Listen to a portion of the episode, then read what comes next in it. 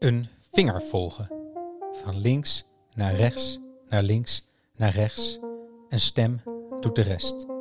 Ze vraagt: hoe kom je af van een herinnering die je niet meer wil? Hoewel ook die ons tot ons vormen. Het lijkt of ik me herinner dat een hond in mijn been hing.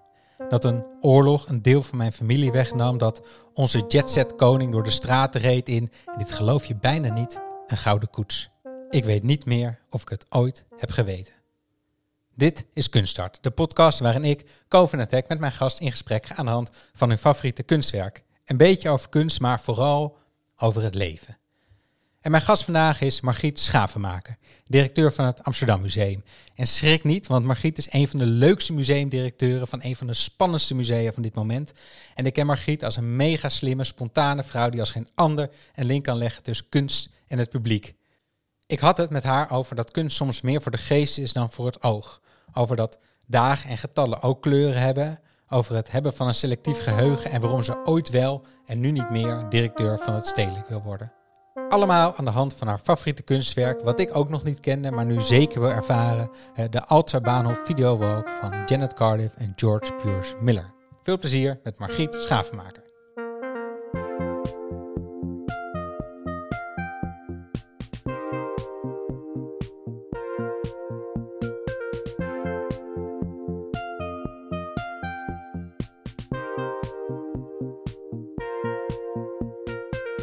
Margriet Schavenmaker, leuk dat je er bent.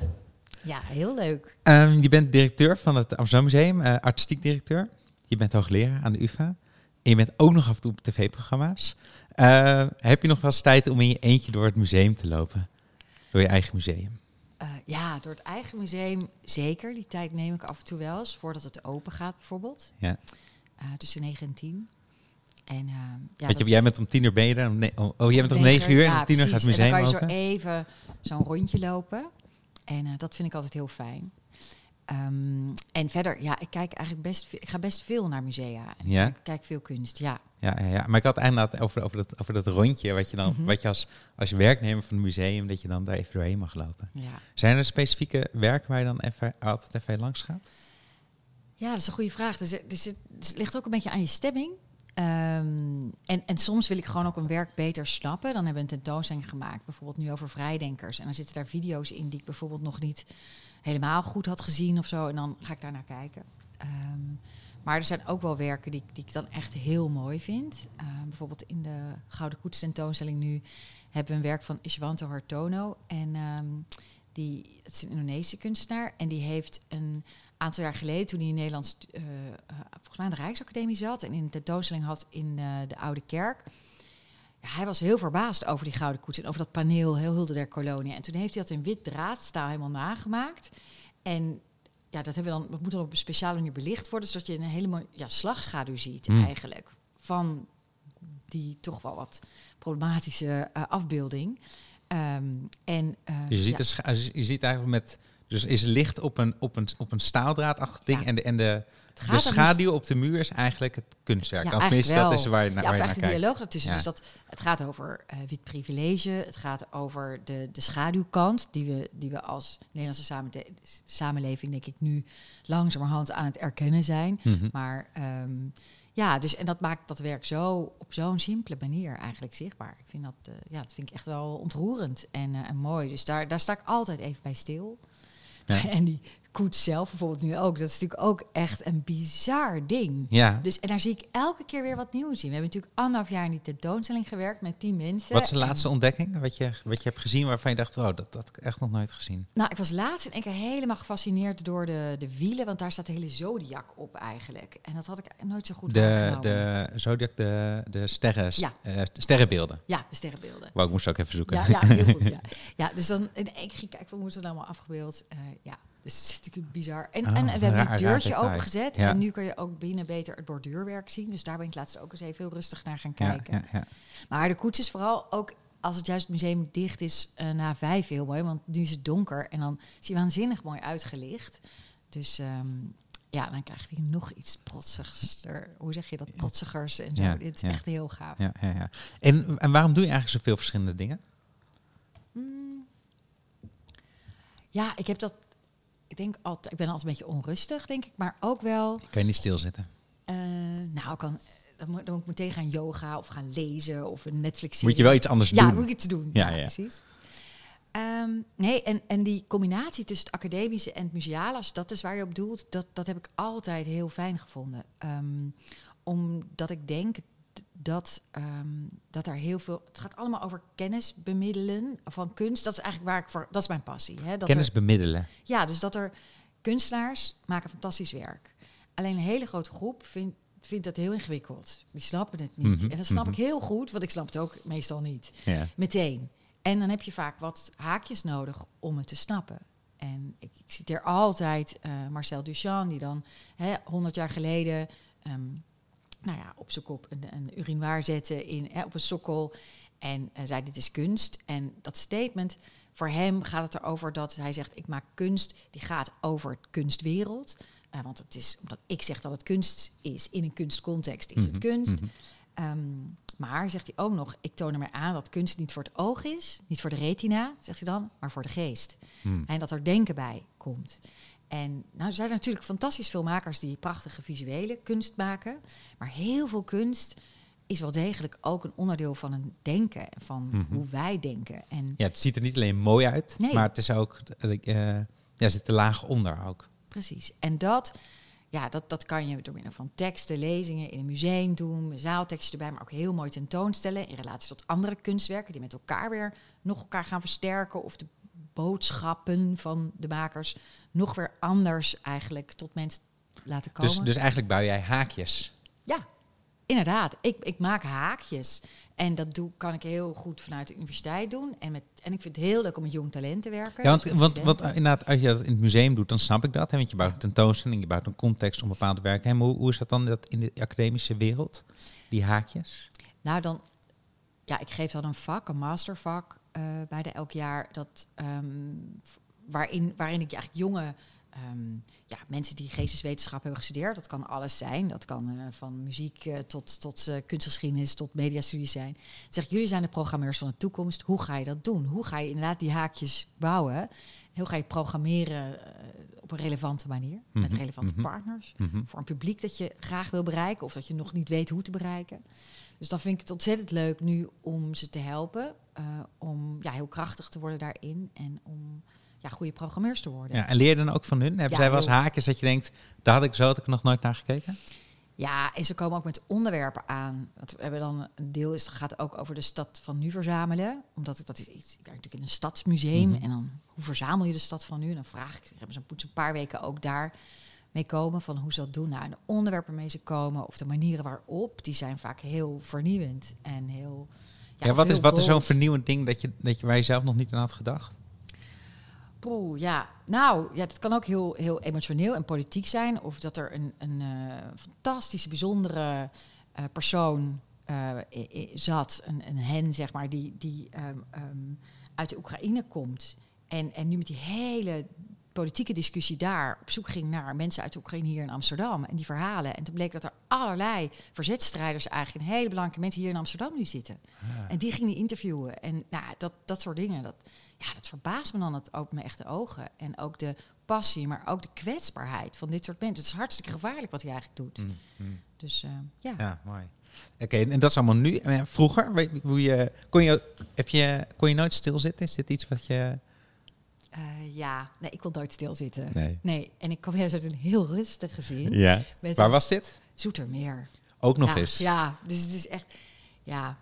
Nee, mijn moeder zat altijd eh, boeken te lezen op de bank. En die ja, voelde zich heel erg aan de kant gezet door de samenleving. Die moest ophouden met werken toen ze ging trouwen in de jaren zestig. En heel lang op ons, op mijn zusje en mij moeten wachten. Ik kon eerst geen kinderen krijgen. Dus ik had relatief ook oude ouders. En de vader was filosoof. Die werkte op OCMW, het ministerie. Daar waren we ook naar, uit Utrecht naar Zoetermeer verhuisd. En die was verantwoordelijk voor oude talen en filosofie in het onderwijs. Dat heeft Ja. hij voor elkaar gekregen. Hij is filosoof. En ehm, ja, het werd altijd gelezen bij ons. Het was heel stil. Je kon de klok horen tikken. Ja. En, en dan in zo'n rijtjeshuis in Zoetermeer. En daar werd je heel, onrustig Ja. van. ja, en ik wilde naar buiten en iedereen, met iedereen praten en weten waar iedereen mee bezig was. Maar ik was ook wel een beetje de odd one. Ehm, ja, ook wel op school. Ik was een verbinder, maar ook wel een beetje een buitenstaander. Omdat ik natuurlijk heel intellectueel werd opgevoed. Mhm, mhm. Heel veel las, echt heel veel. En ook, ja, ik speelde dwars, ik zat op toneel, ik zat op topturnen, ik zat op, weet je, ik, ik deed van alles. Toneel, ja, van alles. Ja, ja. En eh, in de band. ja. Ehm, En er was er ook dan, eh, dus als lezen en, de, en, en turnen en ook beeldende kunst al? ehm, nou, ik ging naar musea. Mhm. Eh, veel met, maar, maar vaak vanaf een puberteit. Ja, eerst naar mijn ouders en vooral mijn tante hier in Amsterdam. Dat was mijn lievelingstante. Tante Maria, de jongste zus van mijn moeder. Die woonde in haar eentje in eh, de Jordaan. En daar ging ik in de zomers vaak logeren. En nam ik vriendinnen mee. Die nam me mee, maar dan ging ik zelf ook. Ging naar musea en dan ging op tienertour toen ik 14 was. Ja, ging ik met ja. allemaal vriendinnen. Dan gingen we langs het Krullenmuller. Gingen we naar Smissen in, in Emmen. Weet je, had ik helemaal zo'n soort tour bedacht. Dus ik hield heel erg van beeldende kunst. En ik wilde al heel jong directeur van het Stedelijk worden, want dat vond ik het mooiste museum. Ja. En, eh, maar uiteindelijk toen... Gaat het nog gebeuren? Oeh, ja, nou, misschien als ik heel oud ben. Maar ik, nee, ik denk dat ik op een gegeven moment... eh, nou, daar zijn toch heel veel andere goede mensen die je straks Rijn gaan opvolgen. Ja, maar je wil dat toch gewoon? Nou, ik heb het natuurlijk heel lang... Ik heb tien jaar daar natuurlijk gewerkt. Ja. En heel veel mogen programmeren en mogen En jouw naam is ook veel genoemd eh, toen bij, bij de vele wissels van de afgelopen jaren. Ja, maar ik, ik, het is heel goed dat ze iemand van buiten hebben. Want, want ik was natuurlijk ook... Ik zat er al tien jaar, weet je. En, en ik heb ongelooflijk veel meegemaakt daar. Onder inderdaad veel directeurswissels. En, ehm, maar ik kwam uit de academische wereld. Hè, en ik, ik was gepromoveerd. En, eh, en op een gegeven moment zat ik vast. Ik had het idee van... Ik was 38 en ik dacht... Oh, vanaf mijn 18 tot mijn 38 heb ik gewoon de UvA gezeten. Met Mhm. één ja- tussenjaartje in New York aan mijn proefschrift werken. En ik was docent geweest en, en ik ben er gepromoveerd. Nou, en toen dacht ik, ja, ik zat helemaal vast. En toen, en ik organiseerde grote lezingenreeksen. Eh, samen met ook de UvA en het Stedelijk en ehm, Metropolis M en Wereld 39. En, Ja, maar je eh, wilt toch directeur van het stedelijk worden? Nee, maar, daarom, maar dat, dat was ik al een hele tijd weg. Toen, ik wilde hoogleraar worden toen. En toen in één keer, ik was dus vaak bij het Stedelijk. Ik had ook wel stage gelopen bij het Stedelijk toen ik studeerde, of bij Bureau Amsterdam. En heb ik ook een tijd publieksprogrammering georganiseerd, jarenlang. Dus begin jaren negentig hebben we het dan over. Heel lang geleden. Maar wat een lang antwoord op een makkelijke vraag. Nee, en toen, nee, maar omdat het NN is. Daarom zit ik ook nog steeds bij de UvA en in het museum. Omdat ik toen pas in één keer dacht, oh, misschien moet ik naar het museum. Toen ben ik tien jaar lang dus bij het Stedelijk beland. Als hoofdcollecties en hoofdeducatie en curator. En, nou, toen heb ik allemaal, Alles, elke- alles gedaan? ja, alles gedaan. en Geleerd wat een museum is. Dat wist ik helemaal niet eigenlijk hoe dat allemaal werkte. Publieksprogrammering had eerst vooral mijn passie. En op een gegeven moment veel meer tentoonstellingen maken. En vooral een beetje Het antwoord nog, wordt nog langer. Nee, maar het is ook zo. Je hoeft niet per se directeur te zijn om het heel tof te hebben ergens en dingen te kunnen veranderen. Daar, ik ben denk ik wel een iemand die experimenteren heel belangrijk vindt en innoveren. En ik had op een gegeven moment het gevoel dat ik dat misschien niet meer helemaal kon daar. Mhm. En nou, toen was het heel fijn dat het Amsterdam Museum zei van... hé, hey, we willen heel graag met jou in zee. Want daar kon ik wel nog steeds heel veel experimenteren. Heel goed, daar gaan we het straks verder over hebben. Maar we gaan het eerst gewoon over de kunst hebben, over jouw favoriete kunstwerk. Je hebt een werk meegenomen van Janet Cardiff en George Bures Miller. Ehm, voordat we het daarover gaan hebben, gaan we eerst luisteren naar Emma. Emma Waslander, zij neemt ons in twee minuten mee door het werk en het leven van de kunstenaars. Je staat buiten en op je smartphone verschijnt het beeld van een straat. Als je goed kijkt, zie je dat het de exacte straat is waar je op dit moment in staat. Een figuur loopt langs je in de video die je bekijkt en een ander passeert je in de echte wereld. Twee werkelijkheden komen samen. Het geluid door je oordopjes is gelijk aan hoe je het geluid met je eigen oren ervaart om zo de twee werelden nog verder te laten versmelten. Een vrouwelijke stem vlak achter je fluistert: Ik denk dat we moeten beginnen. Loop met me mee. De Canadese Janet Cardiff maakte haar eerste audiowandeling in 1991. En niet veel later voegde George Beers Miller zich bij haar om daarna samen, naast met elkaar te trouwen, ook interdisciplinaire kunst te maken. Het duo is geïnspireerd door surrealisme en droomstructuren. Ze maken meeslepende werken waar audio, theatrale scènes en verhalende regie omgevingen creëren die de realiteit van de kijker vergroot. De interactieve wandelingen van het duo zijn plaatsgebonden ervaringen, waarbij een bezoeker door een ruimte wordt geleid door middel van geluid en videobeeld. Naadloos mengt de realiteit zich met een fictief verhaal, waarbij de perceptie en beleving van een fysieke omgeving wordt gemanipuleerd. Vaak maken de kunstenaars gebruik van binaurale geluidsopnames. Hierbij zijn twee tonen van verschillende frequentie in elk oor te horen. Met een koptelefoon op nemen hersenen door dit frequentieverschil een derde toon waar. Deze toon zorgt voor een waarneming die gelijk is aan hoe we de wereld met onze eigen oren kunnen horen. Het werk van Janet en George is over de hele wereld te zien, zo ook soms in Nederland, bijvoorbeeld bij de Oude Kerk in Amsterdam. Het echtpaar woont en werkt zowel in Duitsland als in Canada. En het werk dat jij van hen hebt uitgekozen is Alter Baanhof, Videowalk uit 2012. Ehm, ja, wat is het? Ja, we hebben dus gehoord, het is een, een videowandeling. Je kijkt op je scherm naar iets. Misschien kun je het beter nog uitleggen. Wat, wat, wat, wat is dit? Waar, waar zijn we? Ja, ik kwam het werk dus tegen, uh, zoals heel veel mensen, op de Documenta in Kassel. Nou, dat is dus elk vijf jaar eigenlijk uh, de tentoonstelling, hè, waar, waar hedendaagse kunst uh, optima forma wordt gepresenteerd. Ja, een soort festival bijna ja. van, van de nieuwe kunst die, er, die, die, die gaande is. Ja, of zo. en het is na de Tweede Wereldoorlog gestart, eigenlijk in de jaren 50, toen langzamerhand Duitsland weer um, mocht meegaan doen, zeg maar. Eigenlijk de eerste keer, het eerste moment dat Duitsland weer mocht meegaan doen om te gaan kunst te gaan programmeren en zich open te stellen. Ja, wat is in Kassel is het? Het is in Kassel. En um, een, een plek waar je verder nooit komt. Een totale vage plek, maar elke de hele kunstwereld gaat er dus naartoe, elke vijf jaar. Jij ongetwijfeld ook. Nee, ik ben er nog nooit geweest. Nee, nee, echt? nee, nee. Oh, nou nee in Venetië ben ik wel een paar keer geweest op de, oh, op de Biennale. Moeten we, maar... moeten we eigenlijk samen gaan. Wanneer is de volgend volgende? Jaar, volgend jaar. is goed. Gaan wij samen naar Kassel. En notabene gemaakt dan, dan, het is ook altijd een vraag, wie zijn de curatoren? En die Mhm. kunstenaar waar ik het net over had, die Indonesische kunstenaar die dat witte paneel heeft gemaakt, Ja. is een van de curatoren. Dus nou, Perfect. we moeten gaan. Is goed. Ik ga mee. deze Leuk. is dus twee edities geleden. En ehm, ja, kijk, 2012. 2012. En wat er gebeurde is, je komt dan, eh, dit werk was dus op locatie, niet in een van de musea die daar zijn, want daar is natuurlijk heel veel kunst dan, maar het is ook altijd op andere locaties. En dit was in het station. Ja, het, Het. Ja, het, de, de hoofdstation, zeg Ja, maar wat niet meer gebruikt wordt Ja. als het hoofdstation. Het is het voormalige, het Ja. voormalige centraal station, maar inmiddels is er een nieuwer station gebouwd waar alle treinen langskomen. Dit is een soort En dit is tramstation ook een soort nepstation, want het is, alles was gebombardeerd, zeg maar, Mm, eh, door de ook nog eens. Ja, dus, maar je krijgt daar dus inderdaad dan een, eh, nou dat was toen nog niet op je eigen telefoon, maar op een iPod. En eh ik heb vooral dus ook oortjes op. Want het gaat, wat Emma al vertelde, ook om het geluid. Om die stem van Janet Cardiff, die dus tegen jou praat. Maar dat is niet op een normale manier. Dat zit dan echt, ze loopt eigenlijk in één keer achter je. Of ze staat in één keer links voor je of zo, qua geluid. Oh ja, ja, ja. En, ehm, en je kijkt dus door het schermpje heen. Wat Mhm. wij, nu- het is een soort ja, eh, augmented reality zou je kunnen zeggen, maar dan heel slim gedaan met gewoon een video. Maar augmented, eh, maar een soort avant la lettre eigenlijk. Ja, hè? Dus je, bent, dus je kijkt op je schermpje naar de plek waar je op dat moment ook daadwerkelijk bent. ja, en dan zegt zij, kijk daarboven. En daar staat iemand met een rode jas. Nou, rode jas. En dan denk je meteen Schindler's List. We denken meteen aan, aan eh, nou, de. Tweede Wereldoorlog, Hmm. tenminste in mijn hoofd. Op een gegeven moment, in één keer hoor je muziek, maar je hoort ook de geluiden op de video. En het zelf hoor je ook de geluiden van mensen die langslopen, hè, want het is best wel druk daar. Ja. En dan in één keer komt er een, eh, ja, groep muzikanten aan met een ballerina en die danst dan. En langzamerhand, en dan in één keer, oh god, weet je wel, dan zegt ze, er komt een hond aan en die valt die ballerina aan. Of die, dan. Dus feit en fictie lopen een beetje door elkaar heen. Mhm. Je zit met je eigen waarnemingen en dus de waarnemingen op dat schermpje. En langzamerhand merk je, het gaat over de Tweede Wereldoorlog. Want je wordt ook naar een monument gevoerd, wat dan schoolkinderen hebben gemaakt onder begeleiding van een kunstenaar.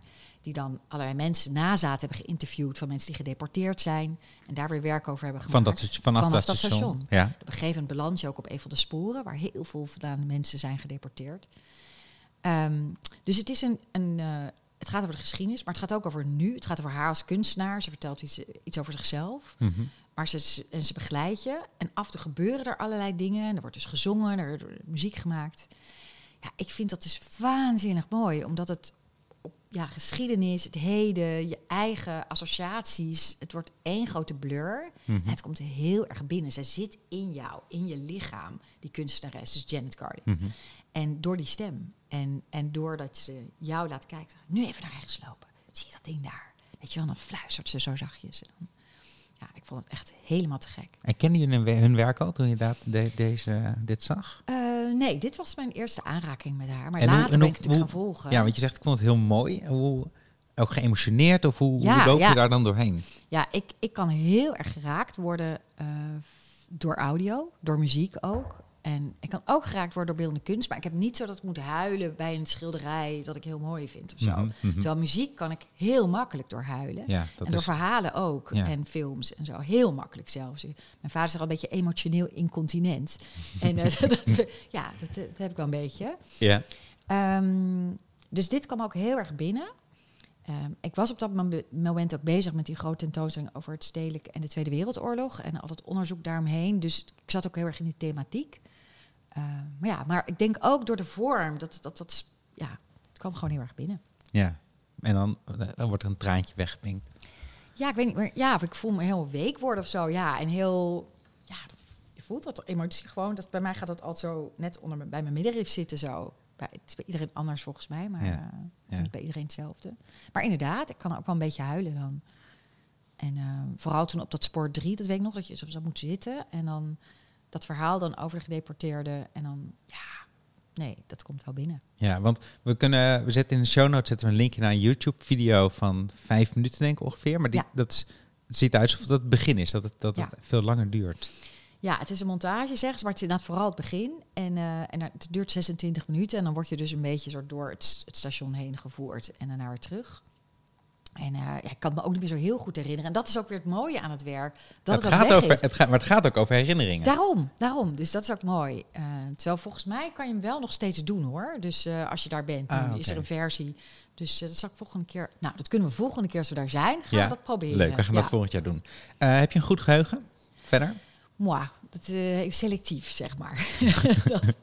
Wat, wat, wat, wat bedoel je daarmee met selectief? Mm. Nou, gewoon dat ik dingen die ik belangrijk vind of zo, dat ik die dan heel goed kan herinneren, maar ook heel veel dingen helemaal niet. Nee. Ik zou, ik niet willen vragen, voor. wat kan je niet dat herinneren? kan maar dat ik- is ja, natuurlijk nee. een gekke vraag. Nee, maar echt, ik weet- vind, mez- vind mezelf vaak heel dom, dat ik bepaalde dingen ook gewoon feiten en ook dingen dat ik niet weet. Dus ik, ik, ik kan heel erg gefocust zijn op bepaalde thema's, zoals inderdaad kunst en ja, nu bijvoorbeeld de milieuproblematiek. Probeer ik dan echt be- beter eigen te maken, want dan vind ik dat ik het beter moet snappen allemaal. Mhm, mhm. Maar dat vind ik toch dat ik te weinig eh, parate feitenkennis heb en zo. Dus dan ga je studeren. en ja, ga ik echt eh, studeren een beetje. Dan vind ik dat ik dat moet. dat beter moet weten en beter moet snappen. Voor jezelf of voor anderen? Nou, allebei wel, denk ik, weet je. Toch wel een beetje dat je denkt, ja, ik moet toch wel een beetje, ik ben niet van de straat, weet je wel zo. Maar tegelijkertijd denk ik, ja, eh, snap ik het eigenlijk wel goed. Dus mhm. dat. Ben je daar onzeker over dat je dan niet genoeg weet? Ja. Ja, waarom? Je kan toch niet van alles weten over alles?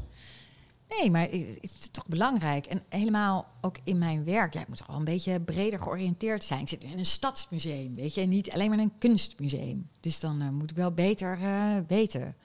Ook geschiedenis van Amsterdam. dus daar ben ik ook niet zo heel goed in. Ben ik ook aan het bijlezen. Ja, ja, ja. Wat gaat dit kunstwerk zijn het over? Het gaat ook over herinneringen. Zij zegt ook, vind ik heel mooi, zegt ze, herinneringen zijn een soort, is een soort reizen. En het is- we trekken die herinneringen als een soort rolkoffer achter ons aan om het af en toe open te kunnen klappen en ja, erin te duiken. Ja, dat doet kunst eigenlijk ja, geweldig, toch? Eh, en dan heb ik ook in de breedste zin, hè. We doen wat geweldig dan? Nou, dat het opentrekken van allerlei lagen... waar je eigen herinneringen ook weer een rol in gaat spelen. Ja, ik, eigenlijk wat Janet Cardiff doet, doe ik eigenlijk zelf heel vaak. En misschien heel veel mensen, zeker met corona... door gewoon luisterboeken op te zetten of podcast. Mhm, mhm. Dus je loopt ergens, je bent bezig, je zit in je hoofd met een bepaald iets. Eh, denk aan je werk of aan een familieding. Of, daar ben je mee bezig. En tegelijkertijd luister dan ook nog eens naar zo'n podcast of zo'n luisterboek. Mhm. Waar dan ook weer allerlei verhalen en ruimtelijkheden worden. Ik had dat laatst toevallig. Ik was in Marseille eh, twee weken om, om ehm, ja, meer onderzoek te doen. Even met je een soort rustmoment. Dus ging ik heel veel wandelen met in dat luisterboek op. En dan luister ik dus naar het boek van Maartje Wortel. Waarvan ik weet, die zit in Noord. Oh ja, en het gaat dan weer over dat ze op reis... Of, nou ja, het was een deel ging ze dan juist op reis. En dan loop ik daar in Marseille. En dan al die temporaliteit of al die Weeft verbindingen... allemaal in elkaar. Ja, en dat zijn dus een soort van gebouwen bijna, een soort geheugengebouwen. Geheugengebouwen. Ja, dat je, dat je, ik zie dan een soort, ra- ik zie dat allemaal gevisualiseerd dan ook. Van, oh ja, dan ben ik daar in die straat heb ik gelopen en dan ik dacht, dacht zelf voor een deel aan mijn werk, was ergens met een artikel bezig. En tegelijk zit ik ook naar, aan haar te denken, aan Maartje Wortel in Noord. En aan dat zij op reis ging naar Noord-Duitsland. En wat het gebeurt dan in die roman. Mhm. En dan, ja, al die dingen, dat is dan een soort ruimtelijk. Ben je zo'n visuele denker dan? Ja, dus? heel. Is dat, is dat eh, ja, ik wil zeggen, kan je dat leren of is dat gewoon hoe je, hoe je gebouwd bent? Eh, ik denk dat, het, dat je het wel kan leren, maar het is ook wel hoe je gebouwd bent. Ik heb ook iets raars. Ik heb grafeemsynesthesie.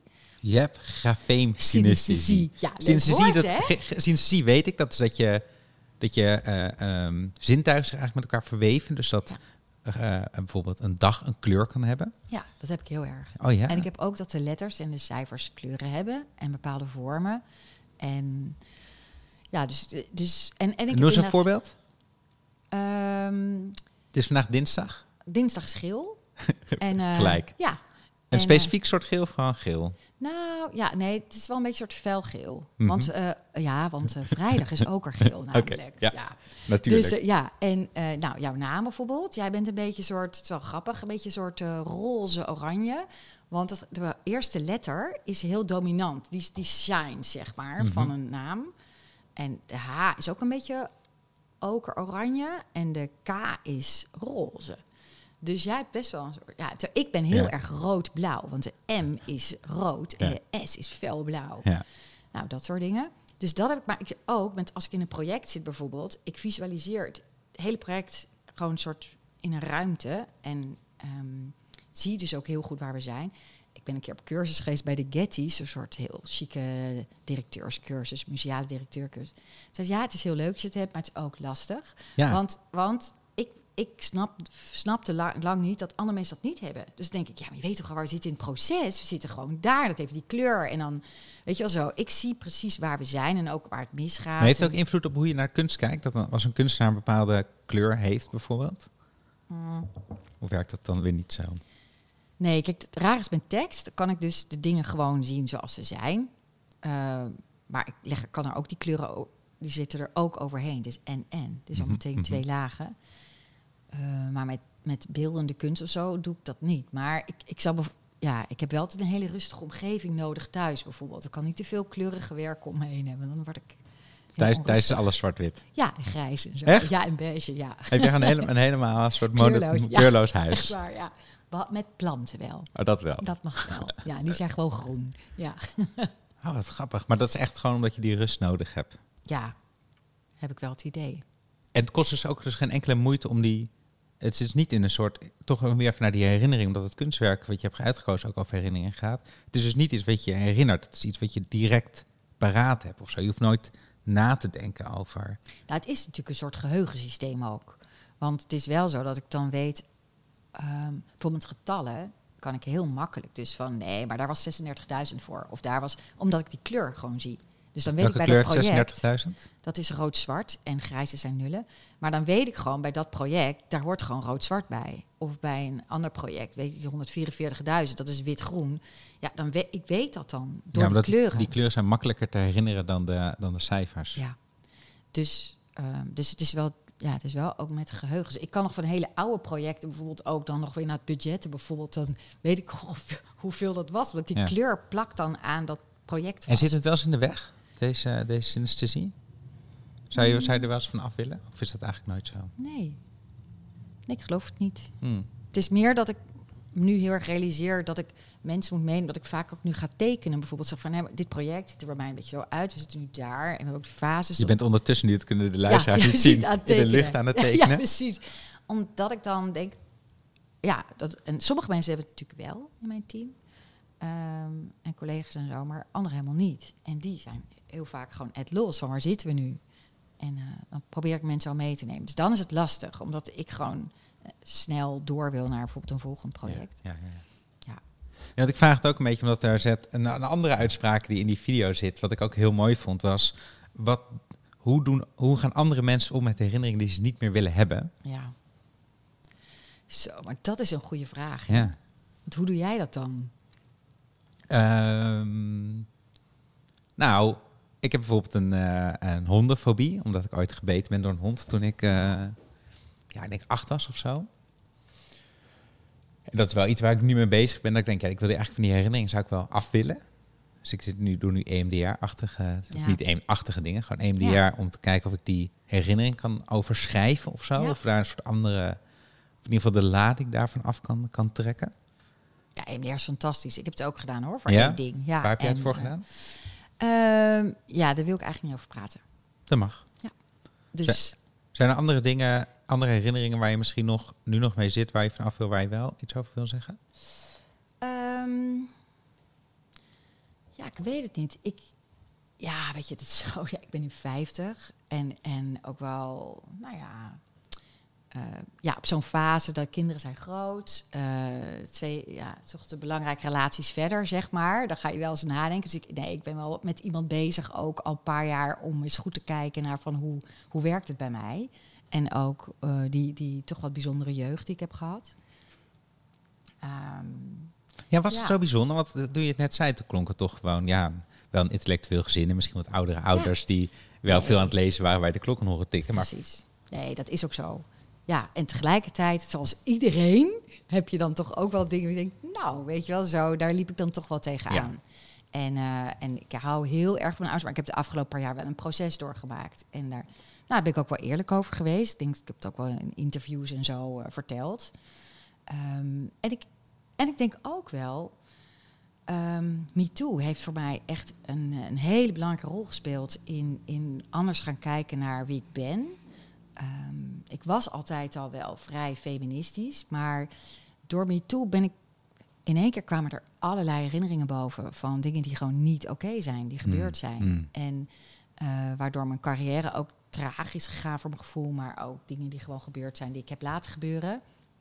Voor mijn gevoel dan, dus een soort boosheid op mezelf ook.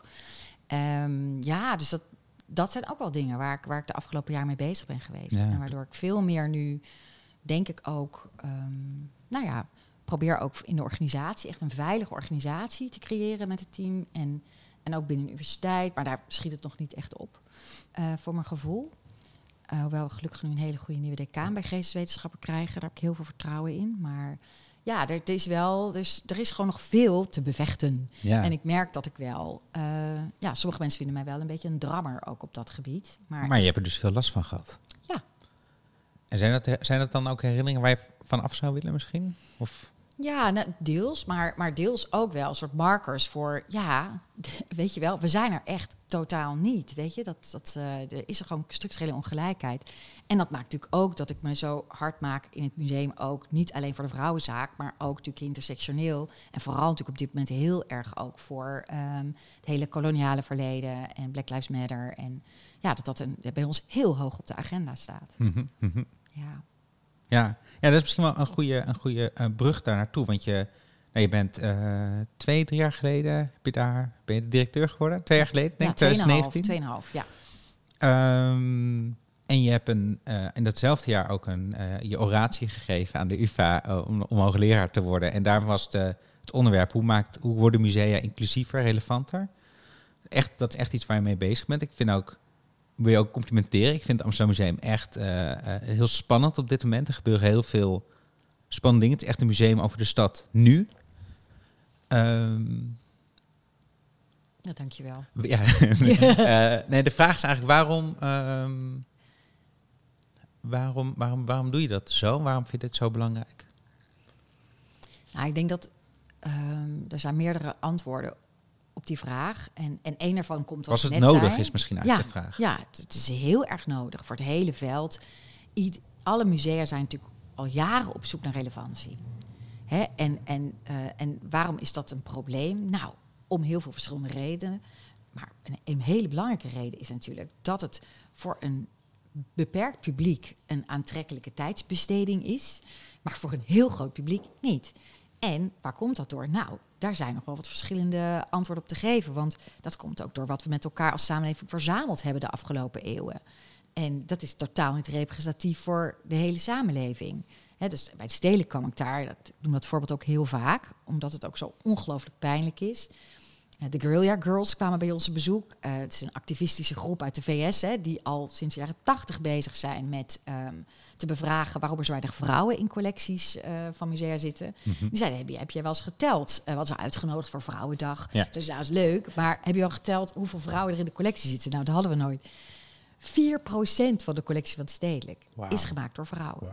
En, en dan hebben dus ja, grote directeuren zeiden hiervoor altijd... de collectie is de kurk waarop dit museum drijft. Nou, hartstikke leuk. Maar ja, hoe kan het nou als je 4% vrouwen hebt? Ja, nou, en dan, als je dan Ja. nog eens gaat kijken vanuit een, een zwart perspectief... of vanuit een queer perspectief of vanuit wat dan ook... dat is nog, dat is niet eens meer te tellen. Mhm, Dus en dat is minder dan 1%.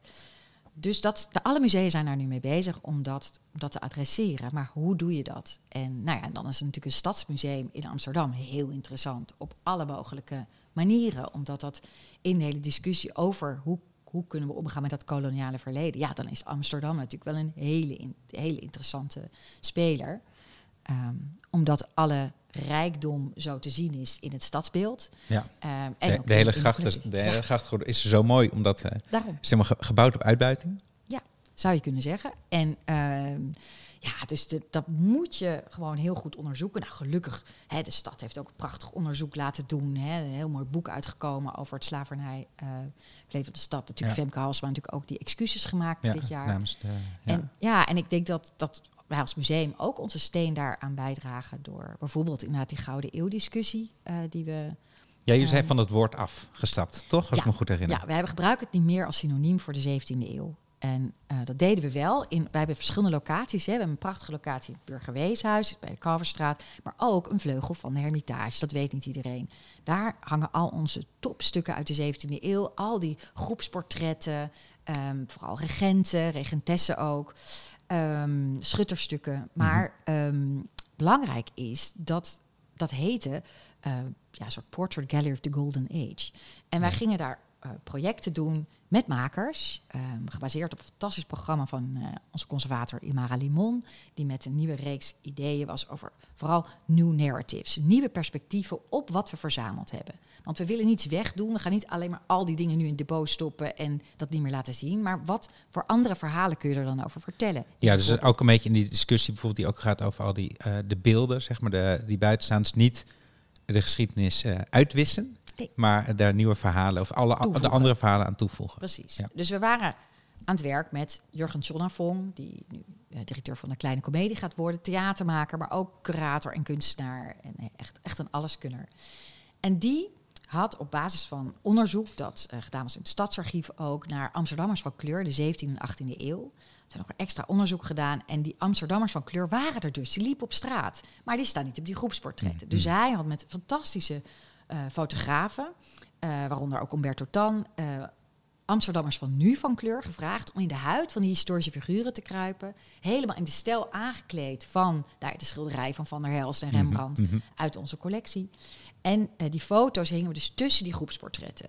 Maar in dat gesprek gaandeweg kwamen we steeds meer achter, ook met Imara, met, eh, met Jurgen, met allerlei mensen, van ja, maar die Gouden Eeuw-term is eigenlijk heel problematisch als titel voor die tentoonstelling. Want we hebben wel een tentoonstelling in een tentoonstelling, maar de hoofdtentoonstelling heeft een naam die een enorme drempel opwerpt voor mensen die nazaat zijn van tot slaafgemaakte. Of, het Was is- helemaal niet zo goud. Voor, ja, die zeggen ook echt, voor mij was het geen Gouden Eeuw in mijn familie. Dus kunnen we dan naar. Dus wij dachten, we schrijven hem gewoon 17e eeuw. En Gouden Eeuw gebruiken we alleen nog als je zegt bijvoorbeeld... het, was, het werd gezien als een Gouden Eeuw van de schilderkunst. Nou, dan mag het in een zaaltekst waarin je dat kan uitleggen. Maar ja, nou ja, de wereld was te klein. Eh, dat hadden wij niet helemaal goed ook ingeschat. Dat het zo'n zo'n heftig debat zou worden. Hè, dat Rutte binnen twee uur reageerde. Nou, belachelijk. Eh, van Engelshoven, de geschiedenis kan niet herschreven worden. Ehm, nou ja, dat, we hebben er wel. Dat, is belangrijk geweest dat we gedaan hebben. We hebben er wel van geleerd dat we van tevoren beter ook mensen die al bezig zijn met de discussies ook moeten betrekken. Hm. En Hm. gelukkig konden we ook eh, dat toepassen, omdat we toen die, die gouden koets kregen in Bruikleen.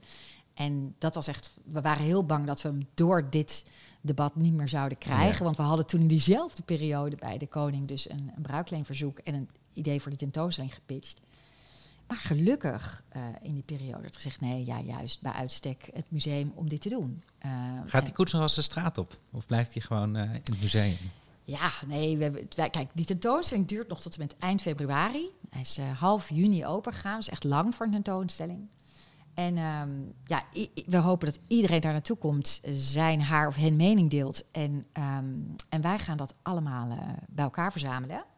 en die tentoonstelling is zelf heel meerstemmig gemaakt, hè, met, met tien conservatoren of onderzoekers, met een klankbordgroep van 22 mensen, waarin mensen, de voorzitter van de Oranje Vereniging zat, maar ook eh, iemand van het Republikeins Genootschap. Ja, zij is wel kritisch, maar niet alleen kritisch. Voor iedereen is die interessant. Mhm. Ehm, dat denken wij tenminste, dat hopen we. Dat, ah, ik durf dat wel te zeggen. Zo is geval. gemaakt. En ehm, ja, dan aan het einde gaan wij eh, dus dat onderzoek wat wij hebben gedaan, want zo zien we het echt. Dus we gaan ook het land in hè, met een mini-tentoonstelling, alle provincies af. Om te kijken wat weten mensen van de koets en wat vinden ze wat ermee moet gebeuren. Ja. En dat wordt overhandigd aan de koning. Maar wat denk je? Gaat hij nog de straat op? Ja, wat denk jij? Ik, eh, Ik zou het heel raar vinden als hij nog de straat op gaat. Nou, als, je, als je er ook voor staat en je hebt die tentoonstelling doorlopen. Ik ga wel stiekem staan luisteren wat mensen tegen elkaar zeggen. Want eerst moet je zes zalen door met echt de hele ontstaansgeschiedenis. Mhm, ja. Het gebruik van de koets, al die verhalen eromheen. En dan, als je het dan ziet, ja, de meeste mensen hoor ik dan wel zeggen van... oh my god, ja, dit is wel eigenlijk toch heel heftig. Maar ja, er zijn ook mensen die zeggen, nou ja, het moet gewoon kunnen. Ja, maar los van, ja, dus, maar ik vind bijna een soort los van al die verhalen, denk ik, ja, zo'n, zo'n, ja, zei het protserig is het goede woord, zo'n ding en dan dat de koning dan in een, ja, in een soort gouden, ja, in een, ja, in een, in een soort koets zou ik zeggen, maar dat is eigenlijk, Niet Ja. meer van deze tijd. nee, ja, echt, echt, eh, ja, ik snap het wel, dat het hoort ook bij het sprookje misschien wat het Ja, koningshuis heel veel is. mensen vinden dat fantastisch. En we hebben Motivaction onderzoek laten doen. En echt driekwart van de mensen vindt echt dat hij gewoon kan rijden. Ehm, we zien wel dat heel veel mensen het vinden, zouden het wel fijn vinden als dat paneel dan door een heendaagse kunstenaar bijvoorbeeld elk jaar een andere vorm zou krijgen of Hmm. overgeschilderd werd. Hmm. Maar hij is natuurlijk net gerestaureerd, dus dat. Nou ja. ja, ik ben heel benieuwd. Eh, het is aan de koning eh, of eh, onze republikeinse adviseur ehm Uli de Oliveira, die, die zegt nee, maar eigenlijk is Rutte natuurlijk degene die het besluit. Hè, dus laten we wel wezen. Mhm. Maar wie dan ook het gaat besluiten, het, het zal ongetwijfeld voor de volgende Prinsjesdag duidelijk worden. Heel goed. We, hou- we houden het in de gaten. Ja. En we gaan kijken ook. Ehm, maar dan nog even naar Cardiff en de Beurs Miller. Ehm, is dat ook een soort werk wat past in, jou, in, die, in de nieuwe strategie of in waar jullie nu met het Amsterdam Museum mee bezig zijn? Ja, heel erg. Omdat het ehm, een, een vermenging is van ehm ehm, hedendaags kunst, makerschap. En, en denken over erfgoed en geschiedenis. Mhm, En dat is mhm. precies wat wij doen. Dus bij zo'n tentoonstelling als Gouden Koets, maar ook Vrijdenkers nu, hebben we heel veel opdrachten gegeven aan hedendaagse makers. Want wij kunnen als conservatoren wel mooie verhalen vertellen en, en ehm, uit onze collecties, nationale collecties, allerlei fantastische objecten bij elkaar zetten. Maar die, de manier waarop hedendaagse makers ons kunnen activeren en aan het denken kunnen zetten, is toch anders. En ja, wat is dan specifiek aan, aan wat zij doen waarvan je denkt, ja, dat, dat, dat is echt, dat past goed, dat is interessant. Nou, ik denk vooral de, de, de manier waarop ja, feit en fictie bijna zeg maar, worden verweven, maar ook hoe intiem het is. Ik denk dat Ja. dat, dat spreekt mij heel erg aan. En dat je. En dat heeft ook met de vorm te maken, maar de intimiteit kan ook in het theater ontstaan of met een video. Maar dat, je, dat het verhaal wordt, wordt bijna individueel. Jij wordt aangesproken en, en je gaat ook meevoelen. Ehm, en ik denk dat dat is iets wat we als musea ehm, heel erg kunnen gebruiken natuurlijk ook eh, om voor onszelf, om beter na te denken dat een museum niet in plek is om alleen maar protserig te laten zien van kijk hier hebben we hele mooie dure kunst die heel belangrijk is. Want dat, dat, dat creëert alleen maar afstand. Mhm, Ik ben mhm. als tentoonstellingsmaker altijd op zoek naar manieren om mensen echt te raken. En dat, ja, weet je, en, en ik ga ook vaak, ik interesseer me ook voor kunstenaars die dat, die dat doen. Die dat, ja, ik weet nog bij zo'n Tengeli tentoonstelling die ik ooit heb mogen maken, in Stedelijk ook. Dat was ook iemand die echt probeerde op een andere manier mensen te raken. Door Ja, middel dat was van hele kinetische dat kunst. kinetische kunst, waar Ja. een soort, ja, soort machines bijna, hele rare machines die, die, die bewogen. En die wilde dat het speels werd. En die wilde dat mensen eigenlijk weer bijna een soort kinderen werden. Mhm, mhm. Tegelijkertijd zat er een enorme kritische laag in, die lang denk ik niet gezien is en die hopelijk met die tentoonstelling wel heel erg zichtbaar werd. Ehm, ja, dus ik, ik, dat, dat zijn wel makers die mij fascineren. Maar ja, ik ben nu bezig met een grote tentoonstelling met Massi Hoetak. eh, Mhm. Die ehm, rapper, hè, columnist, activist, die heel kritisch is over gentrification in Amsterdam. Een hele Ja, wooncrisis. van Amsterdam-Noord, waar hij vandaan, waar hij Ja, ik vandaan zelf komt. ook in Amsterdam-Noord, dus ik ben daar heel... Ja, en ik, ben, ik voel mezelf als zo'n gentrifier, maar wel van 15 jaar geleden. Dus in zijn terminologie mag ik, mag ik nog net soort van erbij. Ja, ja, ja. Maar hij, ja, we zijn lang al met hem bezig. En nu gaat hij, we gaan namelijk tijdelijk, eh, we gaan verbouwen hè, in onze hoofdlocatie. En dan gaan we naar de Hermitage, onze vleugel daar gebruiken, vier jaar, om daar echt tijdelijk Amsterdam Museum met de nou ja, de geschiedenis van Amsterdam, maar ook tijdelijke Dat tentoonstellingen. wordt even jullie, jullie onderkomen. Ja, dus komt allen daarna vanaf eind februari. En ehm, Maar nou, ik wil maar toch maar... Massi, neem maar even van Ja. Massi. Massi is iemand die die verhalen op allerlei verschillende manieren vertelt. Dus door middel van inderdaad hip-hop, door middel van columns, door middel van een boek. En nu door middel van een tentoonstelling. En Hmm. ik vind het fantastisch om iemand dan de kans te geven om, om echt de sleutel te geven van zo'n gebouw. Om daarin zijn pleidooi eh, voor eigenlijk echt de menselijke maat in de stad. En hij wil echt met die tentoonstelling het publiek aanspreken, maar vooral ook beleidsmakers en architecten van sorry, jullie kunnen echt beter. Als je luistert naar deze mensen in de stad, want hij geeft elke zaal weer aan een andere iemand uit Amsterdam-Noord, eh, om zijn of haar of hun verhaal te vertellen. En dat, nou, dat vind ik Maar het fantastisch. is echt een ander soort tentoonstelling ook dan iets wat gemaakt wordt door iemand die kunstgeschiedenis gestudeerd Totaal. heeft. Maar worden er te veel tentoonstellingen gemaakt door mensen die kunstgeschiedenis gestudeerd hebben? Oh, nou ja, nee, dat vind ik dan ook maar zo naar om te zeggen dat dat eh, niet goed zou zijn. Maar ik denk wel dat we nu met elkaar. ook om de verhouding gaan, misschien. Ja, het gaat om, het gaat om co-creatie. Het gaat om verschillende vormen van kennis bij elkaar brengen. En, ehm, en inderdaad, ja, ik denk wel degelijk. Kijk, ik was in Frankrijk hè, de afgelopen weken. En toen hoorde ik daar dat alle conservatoriemusea moeten een bepaald soort opleiding hebben gedaan. In Parijs, dezelfde opleiding. Oh, wauw. gelukkig is dat in Nederland totaal niet het geval. Dus we zijn al veel diverser dan Mhm. in Frankrijk. Mhm.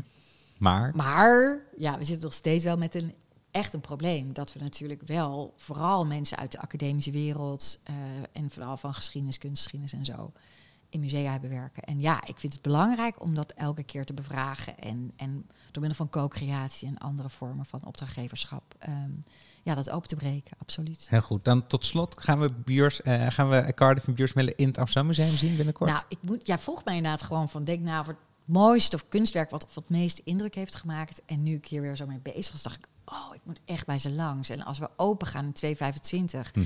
moeten ze gewoon een werk maken, zoiets, dat oude burgerweeshuis waar wij in zitten, al die verhalen. Ja, ik, ja, ik ga het proberen. Ik ga binnen, ze wonen ook half in Berlijn, dus Mhm. ik wil gewoon snel bij ze langs. En dan, hoe werkt dat dan? Dan- Dan bel je gewoon en zeg je, kan ik een keer langskomen? Ja. Ik ben van het Amsterdam Museum, kunnen Ja. we iets doen? Ja, en dan, nou, soms zeggen ze wel, ja, ik heb geen tijd. eh. Maar heel vaak zeggen ze, nou, kom maar eens een keer praten.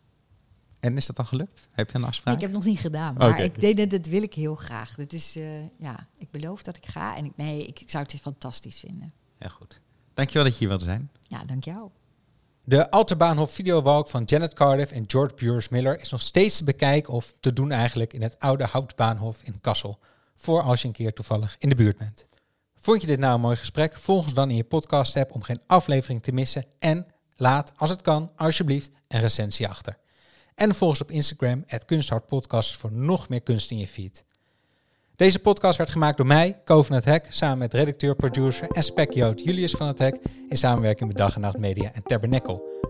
Emma is Emma Waslander, de muziek is van Ed Behoni en het artwork door Joey Andela. Dank jullie wel. En dank ook aan Oedipus, de brouwerij in Amsterdam, waar we deze podcast mochten opnemen. En dank natuurlijk aan Margriet voor het interessante gesprek en Janet Cardiff en George Buursmiller. Thank you to the both of you voor dit intrigerende werk. Het Nederlands is bijna nog moeilijker dan het Engels. En jij ook bedankt voor het luisteren. Tot volgende week, dan praat ik met filmregisseur Shady Elhams aan de hand van Barnett Newman's Cathedra. Tot dan.